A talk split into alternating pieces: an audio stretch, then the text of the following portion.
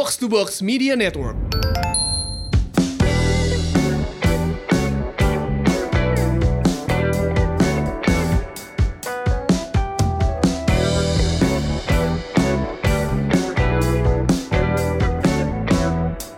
Halo Semurian, welcome back to Podcast Semur, Sehat dan Makmur. Podcast yang akan mengajak kamu untuk sehat jasmani dan makmur finansial bersama saya, FX Mario. Dan saya juga ditemani oleh teman saya. Hai, saya Ligwina Hananto. Kita hari ini mau bahas yang Apa nih? Gak serius ya Mar kalau yang ini. Nggak serius? Eh, lumayan. Mau dibikin serius bisa serius. Nggak, nggak serius. Nah, Tapi gengges. Tergantung suasana hati kalian aja. Iya, iya, iya. iya. Bisa dibikin gengges, bisa dibikin wake up call, whatever you feel it, gitu kan. Mau bikin gengges. kalau mau viral harus gengges nggak gitu mainnya, Nggak, nggak, nggak nggak, gitu nggak, nggak. Nggak, kita mau bahas dana pensiun Mar. Mhm, mhm. Eh, le- dana pensiun doang atau lebih luas lagi nih mau pensiun bagaimana gitu Mendingan ke situ kayaknya. Jadi nggak cuma Iya, iya. angka yang nggak cuma dibahas, angka karena ya Mm, Ah, karena kita manusia, jadi sebenarnya Iya, si iya, iya. angkanya itu juga akan dipengaruhi sama cara kita hidup sebagai manusia. iya Plus, eh, kita kan selalu bilang em, maunya sehat makmur dong. Nah, Yes. eventually kan ketika usianya bertambah terus, kita maunya hidup kita tuh progresnya membaik terus kan, badannya Mhm. lebih sehat, keuangannya lebih Mhm. makmur, dan kayaknya dana pensiun itu usia pensiun tuh artinya harus jadi kayak sesuatu yang semua orang tuh look forward tuh gitu, bukan sesuatu yang orang tuh khawatir dan takutnya sih. Mhm, mhm. ya ya ya Eh, setuju gue pertama dulu gue pertama kali dengar lo ha, pertama kali dengar nyiapin dana pensiun kan dari lo nih Win. Itu berapa tuh tahun Yes. 2007 2008 tuh kan? Ya, waktu Uh-uh, itu kayaknya wah pensiun masih lama banget gitu kan? Itu berapa kejadiannya? Berarti berapa? 13 Mm. tahun yang la- 13 tahun yang lalu gitu Iya. kan? Nah sekarang kan makin Uh-uh. sini terus? wah angkanya makin dekat nih tinggal belasan tahun lagi nih gue udah kepala empat gitu kan? gue tinggal 10 tahun lagi ngeri nggak? ah kan Kayaknya gue mundurin aja deh usia pensiun gue. nah tapi definisi pensiun dulu deh Win kalau gitu gue sih nggak kebayang untuk eh, nggak kebayang buat jadi bapak-bapak ah, ah, mainan mainan burung perkutut di depan rumah pakai sarung doang gitu kan nggak ngapa-ngapain gitu kan definisi pensiun dulu deh gue nggak jadi ibu pelihara tanaman, tapi buktinya sekarang udah Ah. pelihara tanaman. Oke oke, definisi pensiun tentu saja tiap orang akan beda-beda ya. Nah, yang gue Ya. ceritain ini adalah definisi pensiun secara finansial. Nah, Ya. kalau kita pensiun secara finansial, jadi banyak orang tuh ngomong gini, eh, sebagian besar orang itu kan karyawan kerja di perusahaan. Ya. Kalau ditanya pensiun, banyak banget yang jawabannya gini, saya Mhm. mau berhenti kerja dan bikin bisnis. Mhm. Banyak banget yang definisinya gitu. Lah, Ya. gue sama Mario kan punya bisnis. Berarti Ya. kita udah pensiun dong? Enggak kan? enggak malah makin banyak Nah. kayak kerjaannya Itu dia. ah-ah. Jadi miskonsepsi itu yang em, perlu kita lurusin dulu. Kalau Ya. definisinya seorang karyawan adalah berhenti kerja dan eh, bikin punya bisnis, Aha. buat gue itu bukan definisi pensiun secara finansial. Itu definisi pensiun dia dari karyawan pindah profesi gitu kan. Mhm, Nah, mhm. Kalau dari sisi finansial, mau dia karyawan, mau dia punya bisnis, mau dia bagian dari gig economy, mau dia kemarin gue habis Bika sama Raditya Dika ngebahas kalau uh, awalnya tuh dia mikir dia adalah penulis, tapi artinya Hmm. harus bikin tulisan terus sampai umur 50 dan setiap Ya. tahun harus ada satu yang sukses dijadiin film. Berarti Ya. se- selama 20-30 tahun produktif itu harus bikin 30 film. Kan nggak gitu juga mainnya Ya, kan ya, gitu. ya, ya, Nah, jadi definisi pensiun ini adalah pada saat lu tuh udah punya aset yang bisa menghasilkan uang Mhm. sehingga kita enggak menggantungkan diri pada saat hasilan aja. Hmm. Oke. Lalu si jumlah yang menghasilkan ini jumlahnya bisa paling nggak setara kalau bisa lebih banyak dibandingkan dari pengeluaran kita sehari-hari. Itu Hmm. yang dimaksud dengan punya uang pensiun. Oke. Kemungkinan kita akan tetap kerja kan, Mar? Ya. kita kan pekerjaannya dua-duanya ngajar. Eh, Mario ngajar fitness gua ngajar finansial. Itu kemungkinan bisa terus kita pakai kan profesinya. Tapi maunya kalau gue udah umur di atas 55 kalaupun gua ngajar gua nggak menggantungkan penghasilan gue cuma dari situ aja. Gue udah punya aset yang cukup besar dan itu udah bisa menghasilkan dan gue bisa hidupnya dari situ gitu. Ya. nah ini sebenarnya. Jadi bagaimana mencapai si aset yang jumlahnya besar itu dan bisa menghasilkan dari aset itu jadi sebenarnya mencari pengganti sumber penghasilan dong ya pensiunnya itu ya. Sebenarnya jadi multiple source of income ya nggak sih? Oke, multiple source of income. Oke, oke, oke. Mm-mm. Yang nggak berarti kita harus genjot terus, nggak kayak genjot sepeda terus kalau nggak genjot sepeda sepedanya berhenti gitu. Oke, ya, ya, ya, ya. Jadi harus ada sistem yang bikin si aset kita ini bisa menghasilkan terus tanpa harus kita genjot. Kemungkinan tetap harus dipelihara kan, Mhm, tapi jangan nggak digenjot menghasilkan duit gitu. Jadi Oke. kalau yang satu lagi berhenti, yang satunya bisa menghasilkan. Kalau yang satu slow down, yang satunya menghasilkan.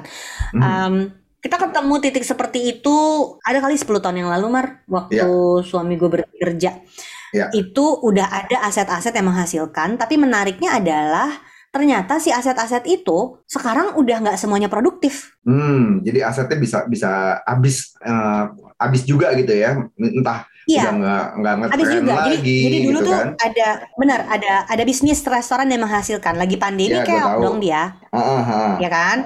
Gue ada apartemen dulu, dia menghasilkan. Udah Ah. dijual apartemennya, sekarang kita beliin tanah buat Ah. pensiun, Mart. sekarang tanah itu kan gak menghasilkan, ditanemin Iya, pohon iya. talas, tapi Iya. kan gak apa-apa gitu. Ya, ya. Ah, dulu ada deposito, tapi depositonya sekarang bunganya udah rendah banget. Jadi dulu kal- kalau kita ngomongin bisa pensiun itu kan berarti mendekati financial freedom ya. Ya.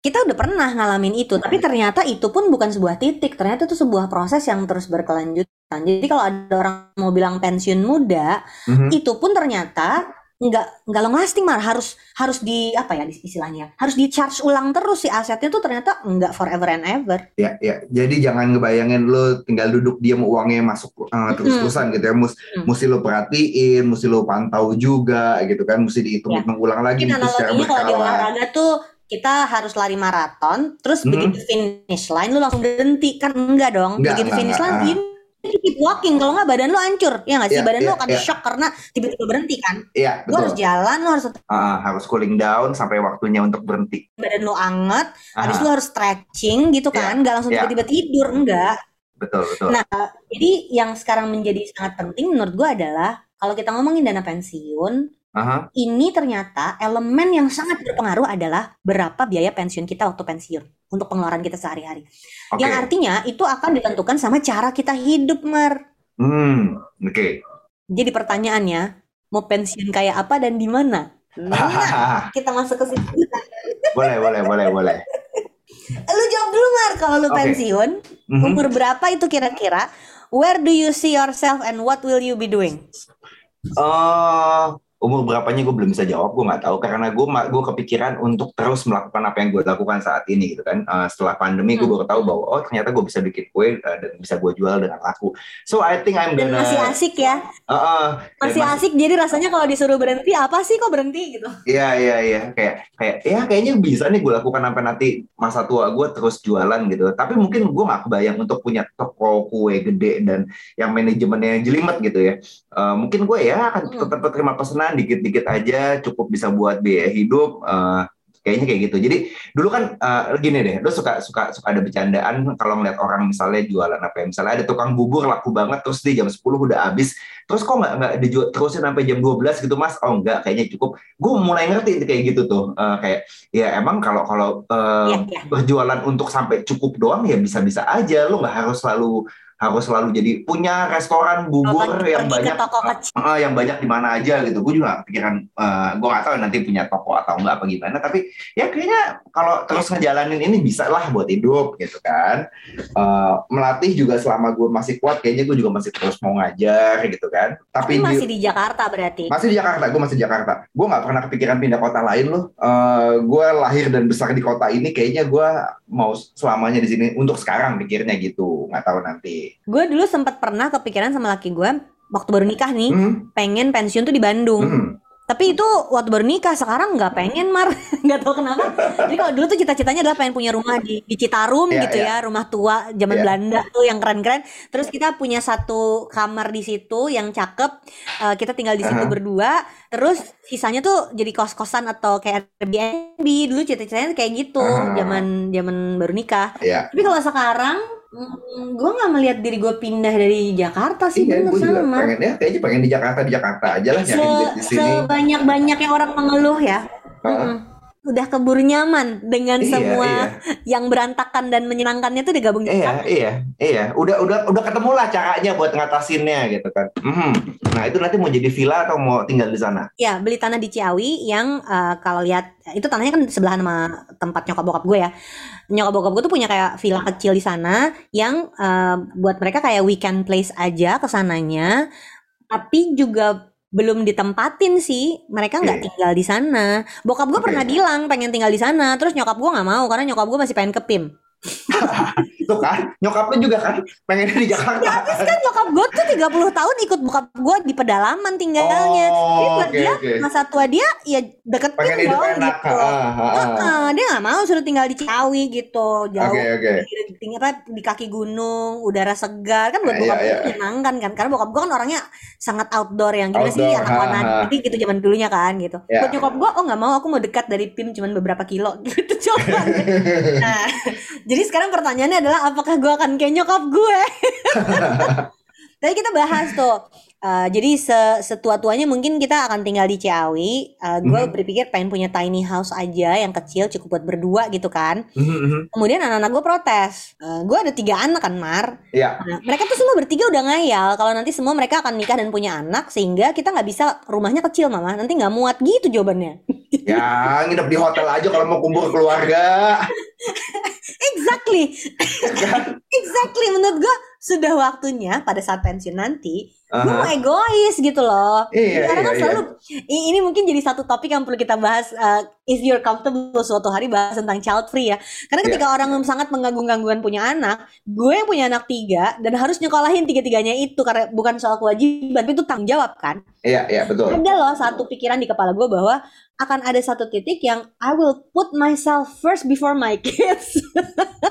Iyalah, itu ya Karena gue manusiawi gak cinta sama mereka, tapi Ah, ah, ah. ya udah cukup gitu hidup gue Iya, iya. selalu buat mereka jadi di kepala gue saat pensiun itu ya buat kita berdua sampai hari ini mau tinggal di mananya gue sama laki gue masih berdebat apakah kita akan mempertahankan rumah yang ada sekarang atau pindah ke Mhm. apartemen Mhm, mhm, masih masih tengkar terus soal itu belum belum sepakat dan gue pikir entarlah kita sepakatinnya kalau emang udah deket-deket hari mau Udah pindahnya waktunya. deh Ah, ah, ah, ah. ya kalau kalau Iya. sekarang masih terus-terusan suka ceng-cengan gitu enak kayaknya mas rumahnya ada kolam renangnya di apartemen aja pasti ada kolam renang Jawabnya gitu sementara gue lagi seneng-senengnya renov rumah kan.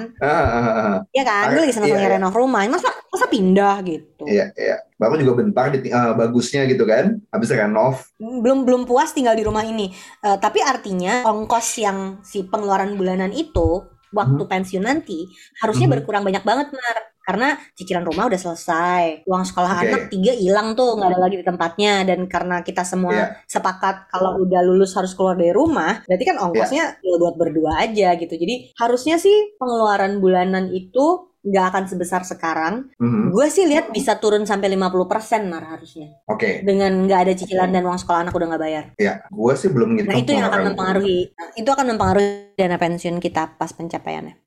Ya, kalau gue sih belum belum ngitung ulang lagi butuh berapa tapi yang jelas Hmm. eh, kalau tadi kita ngomong multiple source of income gue juga emang udah nyiapin aset cash atau eh, liquid lainnya gitu kan buat entahlah nanti ditaruh di Hmm. mana yang yang kayak kayak dulu lo ngajarin itu eh, apa eh, istilahnya apa tuh Win yang yang ditaruh terus menghasilkan penghasilan rutin itu Aset aktif. Kalau zaman dulu tuh ada namanya iya, discretionary iya, iya. fund. Ah, aset aktif. Jadi kayak surat berharga yang kalau misalnya bonds keluar keluar kuponnya gitu kan. Iya iya iya Nah, iya. berarti uh, sekarang menyiapkannya Mar, menyiapkannya. Nih gue Hmm. ada template Excel-nya. Uh. Kita tuh ada di Financial tuh ada kelas dana pensiun. Nah, kelas dana pensiun itu dikasih formulanya pakai template Excel, tinggal di input. Nah, ini Hmm. Oh, ini, oke ini gue oke. ada nih rules-nya tinggal dimasukin. Eh, misalnya ya, misalnya umurnya 26 tahun ya. Nah, kalau kalian Aha. yang lagi dengerin ini umurnya umurnya 25 tahun, 26 tahun, ada beberapa poin yang kita harus sepakati dulu nih sebagai asumsi. Misalnya pensiunnya umur berapa? Pensiunnya misalnya umur berapa, Mar? 55 gitu ya. Terus lima habis lima lah itu, standar. Ah, life expectancy-nya sampai umur berapa, Mar? berapa? 75 80. 75 gitu misalnya ya. Nah, Ya, habis ya. itu biaya hidupnya berapa? Biaya hidup per bulannya? Let's say anak umur 25 10 tahun eh, 10 juta cukup nggak sih? Cukup lah ya. 10 juta ya. Iya iya iya. Oke, 10 juta. Nah, jadi kalau kalian umurnya 26 tahun dan periode pensiunnya itu dari 55 sampai 75, biaya Ya. hidupnya sekarang 10 juta, maka kebutuhan dana pensiunnya itu adalah 5,4 miliar. Mhm. Yang bisa dicapai secara matematis nggak dijamin Mhm. dengan investasi sekitar 2 juta 150 ribu deh kira-kira. Oke. 2 juta 150 ribu terus menerus setiap bulan selama selama 29 tahun. tahun, selama Ya. 29 tahun kalau target returnnya 11% per tahun ini tuh setara Ah. reksadana saham Ya. angkanya tuh bisa mencapai sekitar 5,4 miliar ini Hmm. artinya bisa mencapai belum tentu nyampe ya mungkin Ya. aja jadi 8 miliar tapi mungkin juga nggak nyampe mungkin juga cuma 2 miliar gitu atau mungkin malah nggak nyampe sama sekali gitu tapi jadi ini ilustrasi aja buat nunjukin si hitungan matematikanya kalau pensiun lo masih lama masih 20 tahun masih 30 tahun lagi setarnya tuh nggak terlalu besar kalau kita Hmm. kecilin setoran investasi ya Iya. gimana kalau pengen setorannya di bawah satu juta gitu misalnya coba kita kecilin yang bisa dikecilin tuh si biaya hidupnya Iya. yang tadi gue bahas jadi yang Hmm. sangat mempengaruhi itu adalah kira-kira hitungan biaya hidup basic lo tuh waktu pensiun dengan nilai sekarang tuh angkanya berapa misalnya kita turunin tadi kan hitungannya 10 juta Mhm. Kita turunin jadi 4 juta nih Mar. Nah, kalau Oke. hitungannya 4 juta, setoran bulanannya itu di bawah 1 juta. Cuman kira-kira 850 ribuan aja. Hmm. Bisa lah ya. Sekali dua kali nongkrong Nah, kali itu. Ah, nah, menariknya ini zaman gua dulu sama Mario belajar ngitung-ngitung ini, angkanya tuh jauh lebih kecil inget nggak Mar? Cuman kayak Ingat. 200 ribu, Iya, 400 wih, ribu. Du- dulu ya kan? asumsi eh, hitungan dana pensiun itu returnnya gue ingat masih 20% loh dulu, tapi itu 10 tahun lalu kan. Sekarang udah turun, Nah, Mar. itu yang mesti diperhatiin lagi kan. Nah, Nah, iya. beda. Iya, ah, ah. iya. Jadi sekarang itu uh, returnnya itu targetnya, asumsi targetnya itu 11% doang. Oh. Bayangin zaman dulu kita bikin hitungan dengan 20%, sekarang Ah. bikin hitungan hanya bisa dengan 11%. Itu pun masih Hmm. banyak yang protes. Nggak ada kali yang segede gitu. Itu aja masih banyak yang protes. Padahal kan Ya, ya, ya. padahal kan menurut gue itu udah rendah banget gitu. Ya. Jadi emang khusus untuk dana pensiun ini menurut gue kalau kalian umurnya terutama di bawah 30, cobain aja deh. Nggak usah pedulin hitungan ini kalau menurut gue. Lu cobain angkanya serendah mungkin yang lu sanggup hilang. Mhm. Mau itu cuma 10 ribu, mau cuma 50 ribu, mau cuma 100 200 ribu, berapa deh angka yang lu sanggup hilang? Lu Mhm. setorin, cobain. Jadi ini bukan investasi ya, tapi cobain karena angkanya kecil banget ke reksadana saham, tapi lu rutin setornya. Terus menerus. Misalnya gajian tanggal 25, tanggal 26 lu udah setor. Gajian lagi tanggal Mhm. 25, tanggal 26 lu udah setor. Terus menerus tanpa putus merem aja 20 30 tahun. Thank me later. Kenapa? Karena um, kalau usianya udah lebih nambah di atas Ya. 30 atau udah berkeluarga, si setoran kecil-kecilnya itu udah nggak bisa dipakai buat coba-coba karena nanti lu akan udah ada tujuan lain kayak nyiapin beli rumah, dana Mhm. menikah, sekolahin anak itu udah lebih banyak sehingga setoran kecil-kecil itu mungkin lu nggak punya ruang lagi untuk cuman coba-coba gitu. Ya, ya. Biasanya kan kalau anak muda tuh tertariknya kan investasi yang cepet cuan ya Mar ya. Ya, betul. Yang Nah, high risk cepet cuan. Ah, high risk cepet cuan. Nah, itu that's your hustle. Biarin aja itu hustle. Kalau ini adalah lu setor kecil-kecil doang buat nyobain. Ya, Beda attitude-nya sama trading biar cepet cuan. Beda. Karena ini Ya, lu setoran kecil-kecil nggak akan cepet cuan. Jadi ini dijamin lu nggak cepet kaya. Mhm, mhm. Cara lambat untuk menjadi kaya. Nggak ada yang ngomongin itu. Boleh tuh jadi judulnya nanti ya. Cara Iya. lambat untuk menjadi kaya. Nah, biasanya kan orang cara cepat. Iya. Tapi nggak cara cepat. Tapi bayangin yang lu setorin tuh bisa sekecil cuman 20 ribu kayak mau beli kopi. Hmm, hmm, hmm, hmm. kan it's not gonna hurt you gitu loh. Jadi ngopinya Ya, ya. kan orang suka gue nggak mau dilarang-larang nggak boleh beli kopi. No no no. Lu tetap beli kopinya dan lu investasi juga. Dua-duanya Ya, bisa ya. jalan karena setorannya kecil-kecil banget. Jadi lu nggak usah khawatir juga duitnya hilang. Ya, ya, ya. Loh, tapi gue sukanya yang, yang cuan-cuan itu. Ya sok aja. Jadi yang itu tetap dikerjain nasi yang kecil-kecil setor ini tetap dikerjain. Ya. kenapa? Waktu usaha lu untuk cari cuan itu gagal yang setoran ini tetap jalan kan? Betul. jadi Itu yang jalan yang bisa jadi safety net tuh di situ gitu kan. Mhm, Dan ini setuju bahkan gue. bukan dana darurat ya, ini dana Ya. pensiun. Jadi masukinnya ke reksadana saham yang high risk juga dan high return juga, nggak dijamin berhasil juga. Tapi lu setorannya kecil-kecil. Jadi kalaupun dia minus, lu nggak terlalu sedih. Sedih mah Ya, udah pasti, tapi nggak terlalu. Ya, ya. Gue agak kaget. terlalu sedih. Gue agak kaget sebenarnya eh, dengar apa asumsi return reksadana saham turun jauh ke 11% loh. Ha. Di otak gue masih yang yang yang, Gua yang gue tahu pertama kali, ya. dari dulu itu. Zaman waktu bareng lo, zaman lo bareng di QM itu 20 persenan kan. Iya, iya. Pertama kali gue bikin hitungannya tuh 30 persen, Mar. Hmm. waktu gue mulai siaran radio 2006 Ya. itu gue ngebahasnya tuh returnnya di 30% eh, dan itu asumsi Ya. kenyataannya di 2007 itu reksadana saham gue returnnya 70% Ya, gue inget tuh Iya kan? habis heboh-heboh eh, market crash itu kan. Habis itu 2008 minus 50%, 2009 dia Ah, naik 2009 lagi. naik iya iya iya iya iya. 2009 yang naik banyak. Nah, sekarang tuh udah nggak segitu karena periode 2013 2015 juga kan agak rendah kan. Nah, sekarang tuh Iya. ternyata asumsinya cuma 11. Biasanya bulan Oktoberan tuh gue bikin bikin meeting sama trainer-trainer lagi untuk bahas asumsi dan kemudian memutuskan ini mau diturunin lagi apa mau dinaikin gitu. Ka- Kalau Hmm. kalau gue bilang sih dengan marketnya makin mature akan lebih rendah lagi kan. Iya iya iya iya. Setuju gue. Hmm, Ya, sehingga investasinya dari sekarang iya, kecil-kecil challenge, aja. challenge-nya beda lagi. Ya itu. Eh gue makanya jadi yang gue rasain bedanya Hmm. ketika gue dengerin lu dulu 10 tahun lalu ngomongin dana pensiun yang gue siapin begini tapi setelah berjalan hidup 10 lebih apa 10 tahun lebih eh, yang disiapin angkanya ya, jadi akan beda mau ngejalanin hidupnya juga akan beda so ya nggak ada yang stagnan. Tapi harus disiapin dari sekarang. Gitu kan Win? Menarik tuh gini, orang tuh bikin rencana, rencana dipikirnya eh sekarang mau bikin rencana kan belum tentu gini. Loh justru namanya rencana tuh emang nggak Ya. statis gitu iya kan. iya Dan rencana tuh Makanya kan lu berubah. Jadi kayak um, dulu gue nyiapin dana pensiun kayak apa, sekarang udah beda. Ya 10 tahun Hmm. lagi pas gue memang pensiun belum tentu sama juga. Tapi gue udah siapin gitu kan. Yang bahaya Ya. kan nyiapin apa-apa. Gue khawatir sama pensiun ini sebenarnya Mar. Hmm, Karena- hmm. Kita kan nggak punya social security yang besar. Iya. yang yang ada itu eh, jumlahnya tuh kecil dan Ah. itu terbatas sama aparatur sipil negara, terbatas sama anggota TNI, terbatas sama karyawan yang disediain BPJS TK-nya. Tapi itu kan jumlahnya juga nggak banyak gitu. Jadi kita sekarang mesti nyiapin walaupun angkanya kecil-kecil dulu. oke oke Nah, lu nyiapinnya kayak gimana?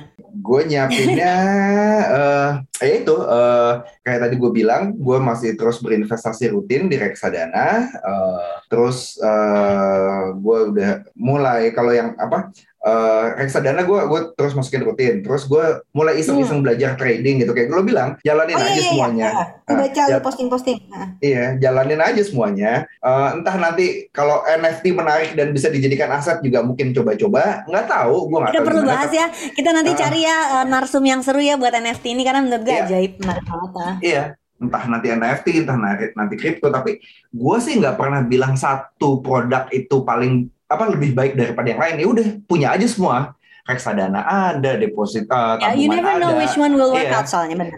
Iya, deposito tetap ada gitu kan. Eh, masukin ke kripto, masukin ke forex trading ya masih eh, semua dijalanin aja. Entah nanti gimana ujungnya yang jelas. Tujuannya mengumpulkan liquid aset dulu gitu. Ya, ya. eh, bahkan ketika gue pun bentuknya udah bukan liquid asset kan, Mar. Gue Hmm, bentuknya eh, 15 tahun yang lalu tuh bentuknya udah aset eh, yang menghasilkan si aset aktif yang generate generating income kan. Ada Ya. restoran, ada apartemen, sama ada surat berharga bonds waktu itu. Hmm. Tiga-tiganya udah menghasilkan, tapi ternyata sekarang tiga-tiganya udah nggak ada gitu. Iya, iya. Bisa sampai kayak gitu loh. Jadi nothing is fixed, tapi kalau disiapin jadinya kita punya uh, opportunity yang lebih bagus kalau menurut gue gitu. Oke, oke. So, Jadi buat semurian nyiapin dana pensiun itu pertama adalah ngukur pengeluaran bulanan kita dulu ya. Mhm. Jadi kita hidupnya mau kayak apa, mulai diukur-ukur nih, dikeker-keker nih cara hidup kita yang sekarang nih bisa dipertahanin apa enggak nih buat pensiun. Mhm. Kalau mau pindah kota atau mau pindah cara hidup itu yang akan jadi hitungan buat kalian pensiun. Yang kedua adalah mulai nyiapin. Hmm, dan nggak cuma satu produk, kan Ya. yang gue ceritain tadi kan cuma reksadana saham dengan setoran kecil-kecil. Ya. Tapi Kalau lu punya side hustle lain atau mau kayak gue waktu itu nyiapin udah ada bisnis properti surat berharga, eh, semua dikerjain dengan apa ya outlook bahwa ini tuh buat persiapan pensiun karena banyak orang men- mengesampingkan persiapan pensiun karena masih lama. Dan Mhm. kita ngomongin ini udah kayak 15 tahun yang lalu ya Mar. Iya, iya, 13 tahun yang lalu gue dengerin 13 tahun lo. terus kalau dulu ngomong masih ah masih 20 30 tahun lagi. Iya. Sekarang yang ya, eh, 30 time is tahun lagi. Jadi kalau dulu 20 tahun lagi berarti kan sekarang tinggal 10 tahun lagi 10 ngomongnya tahun gitu. lagi. Itu buat bayangan udah seberapa lama gue kenal sama Wina. Iya iya. Dari dari zaman anak gue yang paling besar masih kecil banget soalnya itu iya, kan. iya. Iya, sekarang masih, sekarang masih dia, inget dia dia kuliah foto, gitu kan. foto pakai Thomas uh, Thomas apa kereta api Thomas Oh, iya, itu kok di meja lu.